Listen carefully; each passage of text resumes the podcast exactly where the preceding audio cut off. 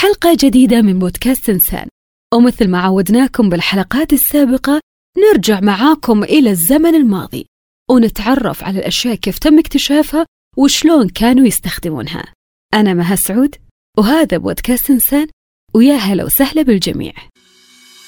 كل شي حولنا له قصة وتاريخ وبداياته أصل في هذا البودكاست راح أرجع معكم في الزمن لآلاف السنين علشان نعرف كيف طور الإنسان أدواته ومن وين اكتسب عاداته هذا بودكاست إنسان من روتانا إف إم وأنا مها سعود. هو الرفيق الدائم لكل امرأة. هو عنصر كفيل أنه يغير من شكلها وإطلالتها وحتى من مزاجها في غضون دقائق. هذا هو المكياج بألوانه ومستحضراته وأدواته وصيحاته اللي كل ما قربت منه كل ما أضفت التميز إلى جمالنا. إنقال الكثير عن المكياج من خبراء المكياج ومن مصممي أزياء ومن نجمات كبيرات أيضا. على سبيل المثال إف سان لوران قال أنه مستحضر المكياج الأجمل للمرأة هو الشغف. كوكو شانيل قالت اللون الأجمل في العالم هو الذي يظهر الأجمل عليك. بوبي براون قال أؤمن أنه كل النساء جميلات من دون مكياج ولكن مع المكياج الصحيح سيظهر أكثر قوة. عارضة الأزياء الشهيرة سيندي كرافورد قالت أنه الجمال لا يرافقه إلا الجمال. قصدها أنه المكياج يظهر الجميلة بشكل أجمل. بدأ الناس باستخدام المساحيق والبودرة للوجه والجسم وتعطيره صبغ الشعر ضمن الشعائر الدينية وطقوس الحرب من بداية تدوين التاريخ.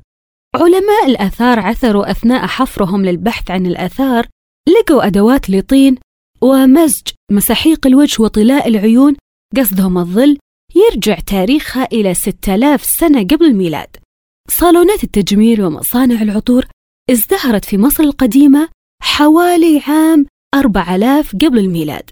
وانتشر فن المكياج وصاروا ماهرين في استعماله وكانوا يحطون اللون الأخضر على رموشهم واللون الأزرق الغامق على شفايفهم. ما أدري كيف يجي. أما اللون الأحمر فشي طبيعي مكانه الخدود. النساء المصريات المهتمات بالموضة استخدموا الحنة علشان يلونون أصابع يدينهم ورجلينهم باللون البرتقالي المحمر يعني إن مناكير الرجال المصريين القدامى كان لهم بعد نصيب كبير من الزينة. وما تستغربون إذا قلت لكم اهتمامهم هذا كان أثناء الحياة وبعد الممات لأنهم كانوا يجهزون قبورهم بكميات وافرة من مواد الزينة باعتقادهم أنهم راح يستخدمونه بالآخرة. بتقولون يا مها وشلون نعرف هذا الشيء؟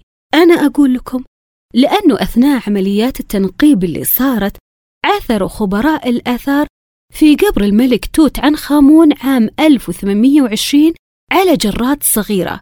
فيها كريمات للجلد وعلى أحمر شفايف ودهونات وردية. علشان يلونون فيها خدودهم. والعجيب بالموضوع إنه هذه المواد المكتشفة كانت حالتها جيدة وتحتفظ بريحتها المميزة وكانت صالحة للاستخدام.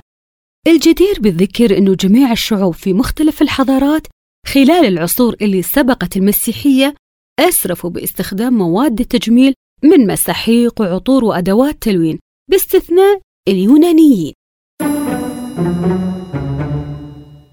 في العصر الذهبي في القرن الخامس قبل الميلاد اقتصر استخدام مواد المكياج على المومسات بس.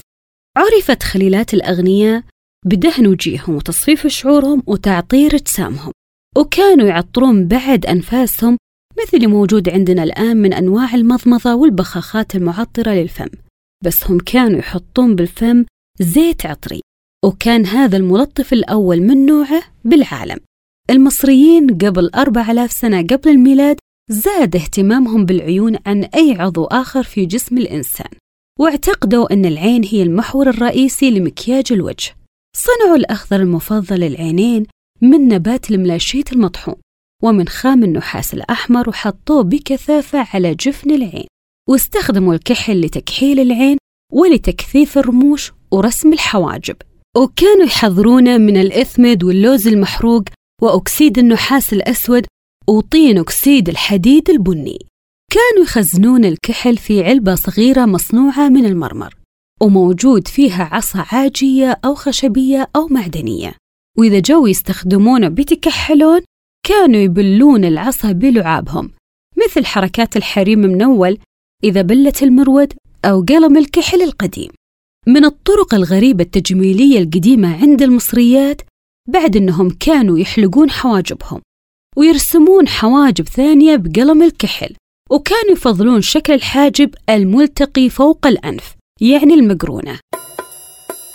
في العصر الذهبي في القرن الخامس قبل الميلاد اقتصر استخدام مواد المكياج على المومسات بس.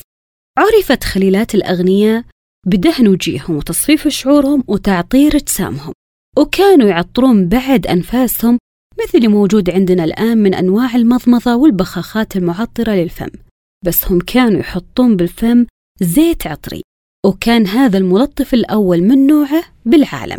المصريين قبل أربع آلاف سنة قبل الميلاد زاد اهتمامهم بالعيون عن أي عضو آخر في جسم الإنسان واعتقدوا أن العين هي المحور الرئيسي لمكياج الوجه. صنعوا الأخضر المفضل للعينين من نبات الملاشيت المطحون ومن خام النحاس الأحمر وحطوه بكثافة على جفن العين واستخدموا الكحل لتكحيل العين ولتكثيف الرموش ورسم الحواجب. وكانوا يحضرونه من الإثمد واللوز المحروق وأكسيد النحاس الأسود وطين أكسيد الحديد البني. كانوا يخزنون الكحل في علبة صغيرة مصنوعة من المرمر وموجود فيها عصا عاجية أو خشبية أو معدنية. وإذا جو يستخدمونه بيتكحلون كانوا يبلون العصا بلعابهم مثل حركات الحريم منول إذا بلت المرود أو قلم الكحل القديم. من الطرق الغريبة التجميلية القديمة عند المصريات بعد أنهم كانوا يحلقون حواجبهم. ويرسمون حواجب ثانية بقلم الكحل وكانوا يفضلون شكل الحاجب الملتقي فوق الأنف يعني المقرونة. خلونا نتعرف على بودرة الوجه وأحمر الشفايف قبل 4000 سنة قبل الميلاد في الشرق الأدنى. الإغريق استخدموا الحمرة علشان يحطونها على خدودهم إلا أنهم كانوا يحبون ويقدرون المظهر الطبيعي. ويتحاشون استخدام معظم مواد التجميل. لكن لهذه المواد ضريبة خطيرة على السيدات. الكميات الكبيرة من الرصاص الموجودة في المساحيق واللي كانوا يستخدمونها السيدات الأوروبيات ويدهنون أعناقهم وصدورهم للتبييض طول ألفي عام دمرت بشرتهم وسببت بموت عدد كبير منهم في سن مبكر. عبر تاريخ مستحضرات التجميل الطويلة صارت عدة محاولات لمنع النساء من طلاء وجوههم مو بس لأسباب دينية أو خلقية. تحدث كيسينوفون المؤرخ الإغريقي في كتابه الزوج المثالي عن خداع المكياج للعريس. قال وجدتها وقد تبرجت اعتقدت أنها غير شريفة لمحاولتها خداعي بخصوص محياها. مثلما أردت أنا خداعها بخصوص ممتلكاتي. وفي القرن الثاني أعلن اللاهوت اكليموندوس الإسكندري قانون يحرم على النساء خداع الرجال بالمكياج وادواته علشان يتزوجونهم وأدخل في نهاية عام 1770 التشريع القاسي إلى البرلمان البريطاني اللي ينص أيا كان عمر المرأة عرقها أو مهنتها أو وضعيتها العائلية. من عازبة إلى متزوجة أو حتى إلى أرملة. سينزل بها العقاب شأنها في ذلك شأن الساحرات. إن هي أغرت أحد الرجال أو خدعت للزواج منها باستخدام العطور أو مواد التجميل أو الأسنان الاصطناعية أو الشعر المستعار. وسيبقى زواجا مسجلا دون أن يعمل به. لكن هذا التشريع ألغي. الجدير بالملاحظة في تلك الحقبة من الزمن كان الناس مولعين ومهووسين بشكل كبير باستخدام اللون الأحمر فوق في بريطانيا وفرنسا. علشان كذا وضعوا كثير من التشريعات اللي يتوقعون أنه لما المرأة تتجمل أو تتزين فيها خديعة للرجل. اختفت في أواخر القرن التاسع عشر الحمرة ومساحيق الوجه وأحمر الشفايف اللي يبلغ عمرها 6000 سنة من أوروبا إحدى مجلات الموضة في تلك الفترة من الجمود ذكرت يعد طلاء الوجه والشفاه مقبولا فقط في هؤلاء الذين يظهرون على خشبة المسرح لضرورة العمل. اقتصرت في تلك الفترة مستحضرات التجميل المعدة منزليا على ممثلات المسرح. ومع اقتراب بزوغ القرن العشرين ارجعوا الناس وخاصة في فرنسا إلى هذه المستحضرات علشان كذا فرنسا تشتهر بصناعة مواد التجميل الفاخرة. شيء طبيعي إنه الإنسان تتأثر بشرته بالبيئة اللي هو عايش فيها. اللي عايشين في مناطق حارة أكيد للشمس تأثير عليهم واللي عايشين في مناطق باردة أكيد إنه البرودة والجليد والثلوج له تأثير أيضا عليهم. بعض الأمراض الجلدية لها تأثير على بشرة الشخص. داء الجدري المشوه للجلد أزعج ناس أوروبا في القرن الثامن عشر.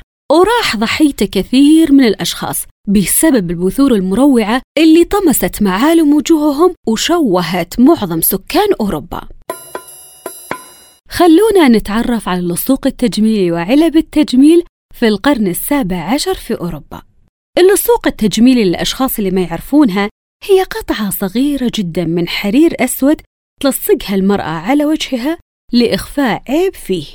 حققت هذا اللصوق التجميلية اللي بيعت على شكل نجوم أو أهلة أو قلوب شعبية قوية لفائدتها في حجب آثار الندوب وإخفائها. كانوا الرجال والنساء يضعون اللصوق المصنوعة من الحرير أو المخمل الأسود بعناية قرب العينين أو حول الشفاه أو على الوجنات وعلى الجبهة والعنق والثديين وأكدت كثير من المؤلفات اللي تحدثت عن اللصوقات التجميلية دورها الفعال في إخفاء الندوب. وكانت اللصوق عبارة عن بدائل للطوارئ تعبى في علبة صغيرة ورقيقة لها مرايا صغيرة مثبتة على أغطيتها وتعتبر أول علبة مساحيق للمكياج. وكانوا يستعملونها وياخذونها إلى ولائم العشاء وحفلات الرقص. هذه اللصقات ما كانت بس لإخفاء العيوب أيضا كانت لها دلالات أخرى. يعني البنت اللي تحط اللصقة بجنب فمها معناتها مستعدة للزواج واللي تحطها على خدها الأيمن هذه متزوجة واللي تحط على خدها الأيسر هذه مخطوبة. أما الموضوعة على زاوية العين فدلت على العاطفة المتأججة. طلاء أظافر اليدين والقدمين المنكير شاع في مصر حوالي عام 3000 قبل الميلاد وكان يعتقد أن أصله يرجع للصين. ودل لون أصبع الفرد على مركزه الاجتماعي. الصينيين مزجوا الصمغ العربي وبياض البيض وشمع العسل علشان يعدون طلاء الأظافر في الألف الثالث قبل الميلاد. ذكرت مخطوطات مينغ في القرن الخامس عشر أن الألوان الملكية لطلاء الأظافر هي الأسود والأحمر واستمرت قرون عديدة. وأضافت أن اللونين الفضي والذهبي ميزوا الألوان الملكية في فترة حكم العائلة شو في. في القرن السادس قبل الميلاد. رمز لون الأظافر عند المصريين للحالة الاجتماعية بعد. وصاروا الناس يصبغون رؤوس أظافرهم باللون الأحمر لأن الملكة نفرتيتي زوجة إخناتون الهرطوقي كانت تحط على أظافر رجلينها ويدينها لون أحمر الداكن وأحبت كيلوبترا لون الصدى الأحمر الغامق. أما نساء الطبقات الدنيا فاستخدموا الألوان الشاحبة. وما كان أحد يجرؤ لا من الرجال ولا من النساء على أنهم يستخدمون اللون اللي كان يستخدمه الملك أو الملكة. وما كان يصلح هذا الشيء إلا مع المحاربين وذوي المراتب العليا. اعتاد قادة جيوش المصريين والبابليين وقدماء الرومان أنهم يقعدون ساعات قبل المعركة في تصفيف شعورهم وتجعيدها وأنهم كانوا يصبغون أظافرهم بلون يشبه لون شفايفهم. هذا الجزء الأول من حلقة المكياج وأدوات التجميل. انتظرونا بالحلقة القادمة علشان تعرفون المزيد من التفاصيل. ولا تنسون تسوون اشتراك في قناة بودكاست إنسان وتابعونا على ال social media عبر حساب روتانا بودكاست. إلى اللقاء. هذا بودكاست إنسان من روتانا FM. وأنا مها سعود.